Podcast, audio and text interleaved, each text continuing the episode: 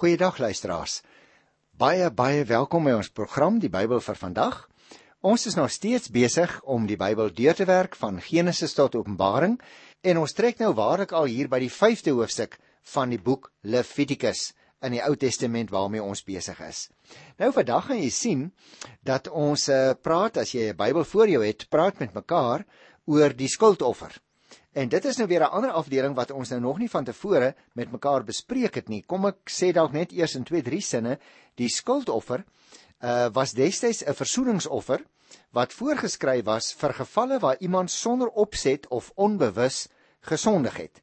En ook in enkele ander gevalle kon mense 'n skuldoffer bring. Ons gaan nog daaroor met mekaar gesels later. Die ingewans vet wat vir die offerdier op die altaar verbrand is, uh en daarna is die vleis uh aan die priesters gegee. Maar dit kon net deur manlike persone en op die tempelterrein geëet word. Interessant, né? Uh dit gaan ek nie vandag behandel nie, maar 'n mens kry dit as jy Levitikus 7 lees, daar by die eerste 7 verse. En ek dink die reëling is spesifiek gemaak omdat die ouens nader aan seker nou hulle familie ook begin nader trek het vir hierdie offervleis wat hulle uh verniet gekry het en daarom het daar later bepalinge bygekom dat dit net deur hierdie priesters geëet kon word. Ek wil graag ter inleiding voordat ons uh, hierdie gedeelte behandel, want jy sal opmerk in die Bybel, dit beslaan eintlik hoofstuk 5 vers 1 en dan loop dit reg deur tot by hoofstuk uh, 6 by die 7de versie. Uh, as agtergrond miskien net dit. Volgens die opskrif wat ons nou hier het in die 1983 Afrikaanse Bybelvertaling, begin die voorskrifte vir die skuldoffer hier by En die rede daarvan is dat die woordjie skuldoffer in hierdie gedeelte 'n paar keer voorkom, veral vers 6 en vers 7. As dit egter nou reeds van Hosea 5 vers 1 af oor die skuldoffer gaan, sit ons iets wat met 'n probleem dat die skaap en die bokooi wat geoffer word, dan 'n skuldoffer is wat iemand as sondeoffer gebring het. Dit leer mens as jy kyk na vers 6. Nou net so bring iemand as skuldoffer ook twee duwe. Een as sondeoffer en een as 'n brandoffer, sê vers 7. Nou is die vraag: Is dit dan 'n skuldoffer of sondeoffer of brandoffer? Of kan 'n skuldoffer te gelyk ook 'n sondeoffer of 'n brandoffer wees? Hierteenoor dui alles eintlik daarop dat die voorskrifte vir die skuldoffer eers in werklikheid by vers 14 begin. Die offerdier wat byvoorbeeld voorgeskryf word as 'n skuldoffer is elke keer 'n ram. Kyk gerus in vers 15 en vers 18 en ook in Hosea 6 by die 6de vers, terwyl 'n skaap of 'n bokooi voorgeskryf word as 'n sondeoffer vir gewone landsburgers. Ons het dit verlede keer behandel toe ons stil gestaan het by Hosea 4 vers 28 en ook vers 32. Nou in die lig hiervan luisteraars, lyk dit nou vir my is dit beter om die woord wat in Hosea 5 vers 6 en vers 7 met 'n skuldoffer vertaal is, soos op ander plekke in die Ou Testament liewer met skuld of boete te vertaal. Die bedoeling in Hosea 5 vers 6 en 7 is dan dat iemand as boete vir die sonde wat hy gedoen het, 'n sondeoffer moes bring. En daarom in Hosea 5 vers 1 tot 6 word nou vier verskillende gevalle genoem waar iemand deur nalatigheid gesondig het en waarvoor hy dan 'n sondeoffer moes bring. Maar dit net ter inleiding. Dit klink nou dalk vir u baie moeilik om te verstaan, maar as ons nou daaroor gesels, dan word dit heel gou duidelik want vier verskillende gevalle het ek nou net gesê word opgenoem waar 'n persoon nie mooi gedink het wat hy doen en eh, nie en daarom het hy nou oortree. Kom ons begin by Hosea 5 die eerste vers. Wanneer iemand hoor of te wete kom dat 'n vervloeking uitgespreek is en hy verswyg dit, sondig hy. Hy was 'n getuie daarvan en daarom rus daar skuld op hom. Nou in hierdie eerste geval word nou veronderstel dat iemand 'n getuie was van 'n misdaad. Hy hoor of hy kom te wete dat daar deur amptelike instansies 'n vervloeking uitgespreek is oor almal wat iets weet van die saak en nou kom hulle nie na vore met hulle getuienis nie. Hy verswyg egter wat hy weet en so sondig hy. Nou luisteraars, dis 'n baie interessante gegewe, né? Dat 'n mens eintlik skuldig is voor die Here as jy oor belangrike inligting beskik van 'n misdaad wat plaasgevind het en jy verswyg dit. Nou luister na die tweede vers. Iemand raak dalk Nou u sien dit is dus onopsetlik. Iemand raak dalk aan iets onreins, aan die onrein dooie liggaam van 'n wilde dier of 'n makdier of 'n insek en hy is nie bewus daarvan nie. Dan is hy onrein en is hy skuldig. Nou in hierdie tweede geval uh het ons te maak met iemand wat onnadenkend maar net raak aan die karkas van 'n dier of 'n onrein dooie insek. En dan staan hier die persoon is onrein. En later kom hy dit nou agter en hy besef dat hy nie die reinigingsvoorskrifte nagekom het nie en dat hy skuldig is. Luister nou na vers 3. Of iemand raak aan iets onreins van 'n mens, iets wat hom onrein maak en hy is nie bewus daarvan nie, is hy skuldig. Nou in hierdie derde geval raak iemand nou aan iets wat onrein is. En hierdie keer is die oorsprong van die onreinheid 'n mens en nie 'n dier nie. Nou luister nou van die 4de vers af. Of iemand lê 'n onbesonde eet af, ten goeie of ten kwade, hoe 'n mens ook al onbesonde dinge kan sê in 'n eet en hy is nie bewus dat hy dit onbesonde sê nie, dan is hy skuldig. In enige van hierdie gevalle is hy skuldig. Wanneer hy in enige van die gevalle te wete kom dat hy skuldig geword het, bely hy dat hy gesondig het en bring hy vir die Here 'n skuldoffer oor die sonde wat hy gedoen het. Dit kan 'n skaapooi of 'n bokooi wees wat hy as sondeoffer bring. Die priester doen verzoening vir die persoon oor sy sonde. Nou in die vierde geval word nou veronderstel dat iemand onnadenkend 'n eed aflê waarvan hy die implikasies nie regte voorsien het nie. Maar nou later, later besef hy dat hy 'n onbesonde ding gedoen het en dat hy skuldig is. In al sulke gevalle is die bepaling nou van nalatigheid, moes die persoon as hy agterna te wete kom dat hy die voorskrifte oortree het en skuldig geword het, dan moes hy sy skuld bely en hy moes boete doen deur 'n sondeoffer te bring. Ek wil dus tussen hakies net weer opmerk luisteraar, jy en ek moet baie versigtig wees dat ons so maklik wil begin onderskei tussen groot en klein sondes. Die punt wat hier gemaak word, dink ek in hierdie wetgewing is as iemand gesondig het of hy groot wat ons net sommer sou sê 'n groot sonde begaan het of 'n klein sonnetjie. Die punt is hy het sonde gedoen. En daarvoor moet 'n mens teruggaan na die Here om in daardie tyd jou sonde te bely en 'n offer te bring. Nou as Nuwe Testamentiese gelowiges bely ons ons sonde en ons vra vergifnis vir ons sonde op grond van wat Christus vir ons gedoen het dat hy geoffer is as die groot en die laaste bloedige offer wat gebring is op Golgotha. Maar kom ons lees nou verder vers 7 tot 13. As 'n stuk klein vee bo die vermoë van die persoon is, bring hy 'n skuldoffer vir sy sonde twee tortelduwe of twee ander duwe vir die Here, een as sondeoffer en een as brandoffer. Hy bring hulle na die priester toe en die priester bied eers die een aan wat as sondeoffer bedoel is. Die priester knyp die duif se nek teen die kop af, maar verwyder nie die kop nie. Hy sprinkel van die bloed van die sondeoffer teen die kante van die altaar en die bloed wat oorbly, druk hy teen die fondament van die altaar uit. Dit is die sondeoffer. Die tweede duif word as brandoffer gebring op die voorgeskrewe wyse. So doen die priester vir die persoon verzoening vir die sonde wat hy gedoen het en word sy sonde vergewe. Maar nou staan hier 'n inter interessante byvoeging.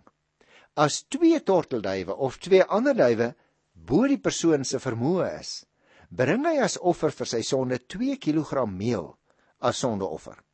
Hy gooi nie olie daarop nie, en hy sit nie wierook bo-op nie, want dit is 'n sondeoffer. Hy neem die meel na die priester toe en die priester vat 'n hand, luister nou mooi, en die priester vat 'n handvol daarvan as simbool vir die hele offer en verbrand dit op die altaar by die vuuroffer vir die Here. Dit is die sondeoffer. So doen die priester vir die persoon verzoening vir die sonde wat hy gedoen het in enige van die genoemde gevalle en so word sy sonde vergewe. Soos by die graanoffer kom die meel wat oorbly die priester toe. Nou luister nou vir jou vir my mag dit nou vreeslik ingewikkeld klink. Maar dit is in werklikheid nie. Gaan lees dit gerus weer in Levitikus 5 van die 7de vers af. En dan sal jy hierdie baie baie interessante ontdekking maak. Dat die Here in die geval van 'n arm persoon sê hy of sy mag 'n kleiner offer bring. Hulle hoef nie 'n bul te bring nie, hulle kan dit bekostig nie. Hulle hoef nie 'n ooi of 'n ram te bring uit die veeteelt nie. Hulle kan dit nie bekostig nie. Hulle moet maar net 'n tortelduif of twee bring. Maar die interessante is dat dit word ook op dieselfde manier geoffer. Die bloed word ook teen die kante van die altaar gesprinkel. En die ander duif word op die altaar verbrand. Wat is die punt daarvan? Die vryspraak wat verkry word deur die bloed is presies dieselfde. Want die persoon bring sy offer met belydenis van sy sonde. Dit het ons net nou gelees.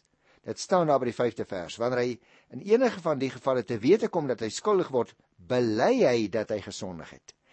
En broer en suster, dit het nie in die Nuwe Testament verander nie. Dit gaan nie oor hoe groot die offer was wat hulle moes bring nie.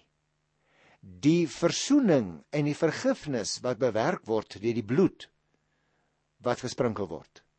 Dit bewerk by God die verzoening en vir almal van ons het die Here Jesus presies dieselfde offer gebring. Daarom hoef ons nie nog 'n offer te bring nie. Ons hoef nie 'n groot offer of 'n klein offer te bring nie. Die offers wat ons gee, uh, bring ons nie met die bedoeling dat die Here ons tog moet vryspreek en met God moet versoen nie.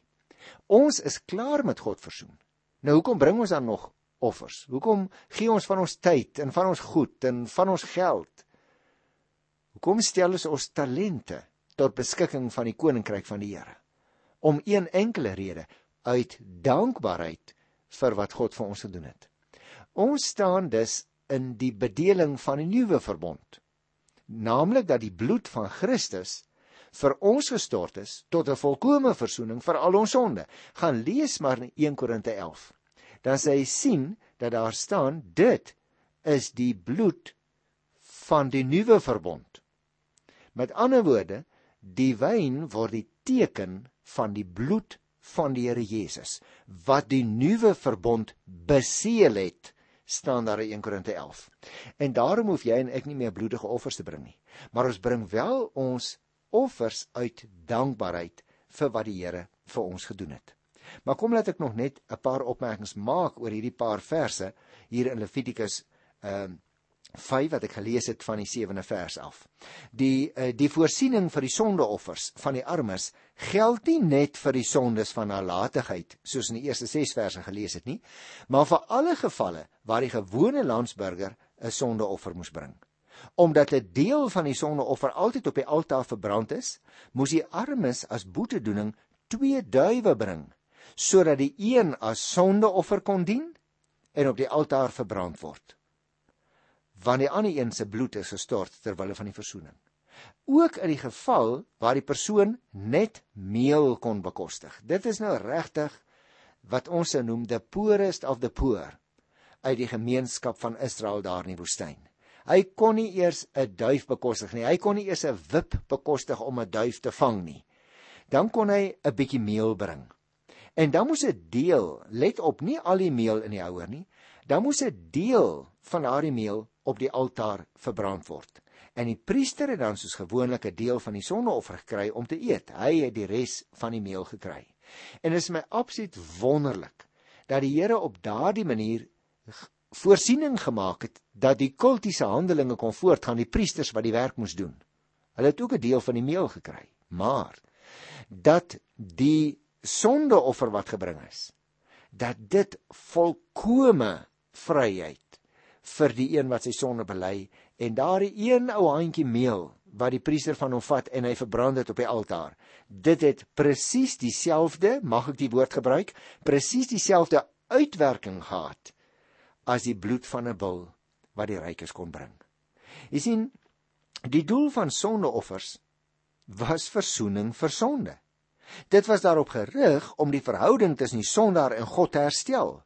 Aangesien die verhouding deur die sonde verbreek is, die bloed van die dier is gebruik om die deel van die heiligdom wat besoedel is deur die sonde te reinig. En so is die gevolg van die sonde uitgewis. Kom ek vat dit saam. 'n Persoon se besit bepaal of hy 'n ooi of duwe of selfs 'n bietjie meel as 'n offer kon bring sodat sy sonde vergewe kon word. Die gedagte in al drie die gevalle wat opgenoem is, is dat 'n mens wat oortree, selfs al was dit nie moeswillig wat hy gedoen het nie, strafbaar word en voor God met skuld bevlek is. Hy is vir die Here onaanneemlik. Maar om nou weer vir die Here aanvaarbaar te word, moet hierdie aanklag teen sy naam verwyder word. En daarom moes hy sy sonde bely en dit is wat die offer as dit ware beseël het. Dit vee die aanklag teen die persoon geheel en al uit. Nadat die offer gebring is, bly daar geen aanklag meer oor wat teen hierdie persoon staande bly nie. Hy word rein en aanvaarbaar vir die Here. Deur die offer word hy met God versoen en die Here herstel hom in eer. Die betekenis van die Here Jesus se kruisdood word in die Nuwe Testament in hierdie terme verstaan, soos ek nou net ook probeer verduidelik het. Die sondigheid van die mens deur sy bedoelde of sy onbedoelde sonde maak hom onaanneemlik vir God. En die offer van die Here Jesus verwyder hierdie skuldvlek op die naam van die gelowige so volledig dat daar hoegenaamd geen aanklag meer teen hom staande kan bly nie. In Christus word ons daarom weer met God versoen sodat hy ons as sy kinders en sy kerk kan bly sien. En luisteraars, dit is verskriklik belangrik want jy sal onthou as 'n mens daardie wonderlike gedeelte lees in Romeine 8, dan word juis dit vir ons baie duidelik deur die apostel Paulus beskrywe. Want jy sien jy en ek dink soms dat daar nog klagtes teen ons ingebring kan word. Nee, dit is nie so nie. Kom ek lees vir jou wat staan daar in Romeine 8. Hier is so van die ek gaan net 'n stukkie lees van vers 35 af. Wie kan ons van die liefde van Christus skei? En dan noem Paulus 'n klomp goed op. Lyding of benoudheid of vervolging of honger of naaktheid of vervaar of swaard of dood of lewe of engele of bose magte of teenswoordige of toekomstige dinge of kragte of hoogte of diepte of enigiets anders in die skepping kan ons nie skei van die liefde van God, die liefde wat daar is in Christus Jesus ons Here nie. En dit is 'n wonderlike ding. Met ander woorde in hierdie sin sou ek sê luisteraars kan ons ook maar net ehm um, in daardie offers wat hulle moes bring in 'n sekere sin 'n voorafskaduwing sien van die volkomme offer wat die Here Jesus uiteindelik sou bring ek dink jy wil saam my stem as ek dit as ek dit vir jou sê. Mense wil eintlik sê haleluja vir die wonderlike ongelooflike goeie nuus van die Nuwe Testament. Maar laat ek nou nie vooruit hardloop nie want ek moet nog die laaste uh, paar versies doen vir vandag. Uh hier in Levitikus 6 uh tot by vers 1 tot by vers 7 want dit is alles uh, gedeelte sal jy sien in jou eie Bybel dit begin by Hosea 5 vers 1 en dit loop reg deur hierdie gedeelte oor die skuldoffers tot hier by Hosea 6 vers 7. Kom ek lees en dan dan dan som ek dit so 'n bietjie op voordat ons klaar is. Die Here het vir Moses gesê: Dit kan gebeur dat iemand sondig en troueloos handel teen die Here deurdat hy sy volksgenoot bedrieg. Ah, ek dink jy en ek moet nou begin luister. Deurdat hy sy volksgenoot bedrieg met iets wat in sy bewaring gegee is of van hom geleen is of sy volksgenoot beroof of hom tekort doen of hy kry dalk iets wat weggeraak het maar ontken dit en lê 'n vals eed af oor enige saak waarin 'n mens in die opsig sou kon sondig as hy so gesondig en hom skuldig gemaak het moet hy teruggee wat hy geroof het of waarmee hy iemand tekort gedoen het of wat hy in sy bewaring gegee het uh, en wat weggeraak het en deur hom gevind is of wat ook al waaroor hy 'n vals eed afgelê het. Ah, jy sien luisteraar, jy en ek mag nie lieg vir die Here nie, maar ons mag ook nie lieg ten opsig van ander mense se goed wat ons dalk gesteel het nie.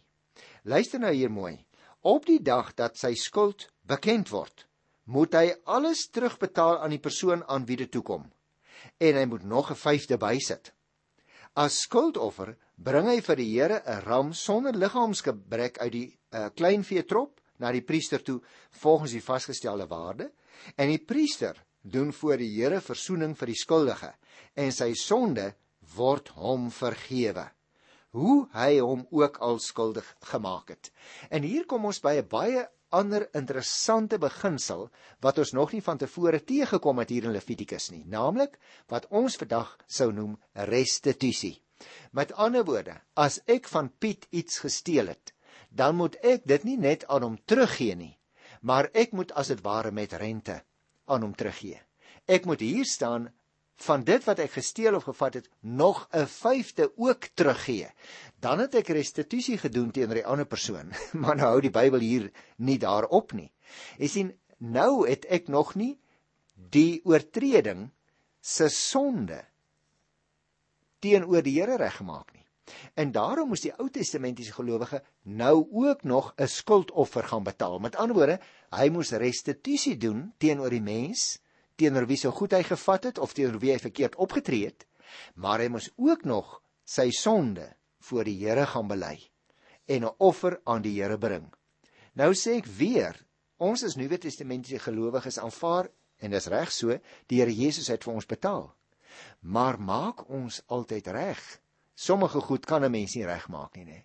Sê net maar iemand het 'n ander ou doodgemaak. Nou hy kan daardie ou nie weer tot die lewe wek nie maar hy kan ten minste vir die familie van daardie mense sê ek is verskriklik jammer ek het berou daaroor kom ek som dit op die skuldoffer het te doen met gevalle waar iemand deur 'n persoon se optrede het sy onbewus of doelbewus beledig is of skade gelei het In 1 Samuel 6, daar vers 3 tot by vers 5, word byvoorbeeld vertel van die Filistyne wat die ark van die Here na Israel toe teruggestuur het nadat allerlei swere en teenspoed oor hulle gekom het.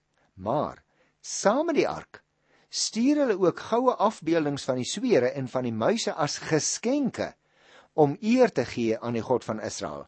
Hulle het God beledig om sy ark te neem en maak nou hulle oneerbiedige optrede goed met die geskenke. Nou vir jou en vir my klink dit nou baie vreemd dat hulle goue muise kon saamstuur, maar die hele gedagte van restituisie kom ook daarin na vore. Nou hierdie gedeelte van Levitikus gaan oor optredes waardeur God en ander onbewustelik of doelbewustelik te nagekom is. En deur nalatigheid kan 'n persoon oneerbiedige dinge doen teenoor die heilige sake van die Here of teen sy gebooie. Ons het daaroor gepraat uh in die voorafgaande gedeeltes. Die ram wat hy as offer bring, kompenseer dan vir die eer wat hy nie aan die Here gegee het nie. En dit word hom vergewe dat hy die Here deur sy nalatigheid beledig het. Ek wil nog 'n voorbeeld noem. As jy dink aan Joshua daar by die 7de hoofstuk, daar kry jy verhaal van Akan uh, wat die Here beledig het deur doelbewus van die banoffer by Ai vir homself te neem. 'n Mens kon natuurlik ook 'n volksgenoot tekort gedoen het deur met opset iets te weerhou wat na regte aan die ander een toekom. Ons het so 'n voorbeeld nou net hier gelees in Levitikus by die 6ste hoofstuk, die eerste 7 verse. En dan moes die oortreder nie net teruggee wat hy gevat het nie, maar hy moes die belediging vergoed deur boonop 'n verdere 20% addisionele skadevergoeding te betaal. Boonop moes daar dan 'n skuldoffer van 'n ram sonder foute vir die Here gebring word. Wat die oortreder begaan het, was nie net 'n belediging van 'n ander mens nie, hoor, maar dit was sonde teen God. Ongevoeligheid teenoor ander mense loop uiteindelik hand aan hand met die onverskilligheid wat ons teenoor die Here openbaar. Kom ek sê dit ten slotte andersom. 'n Mens se houding teenoor ander mense loop altyd saam met jou verhouding tot God. Om met die Here versoen te wees deur die soenoffer van sy seun impliseer om ook in versoening te lewe met jou medemens en om nie skade aan te doen nie. Miskien moet jy en ek hand in eie hart steek. Ons wat versoen is met God, maar wat dikwels ons verhouding met ander mense afskeep hulle selfs skade doen. Broer en suster, ek groet jou in hierdie wonderlike wonderlike evangelie van die Nuwe Testament in die naam van Jesus Christus ons finale bloedige offer wat deur hom gebring is. Tot volgende keer. Totsiens.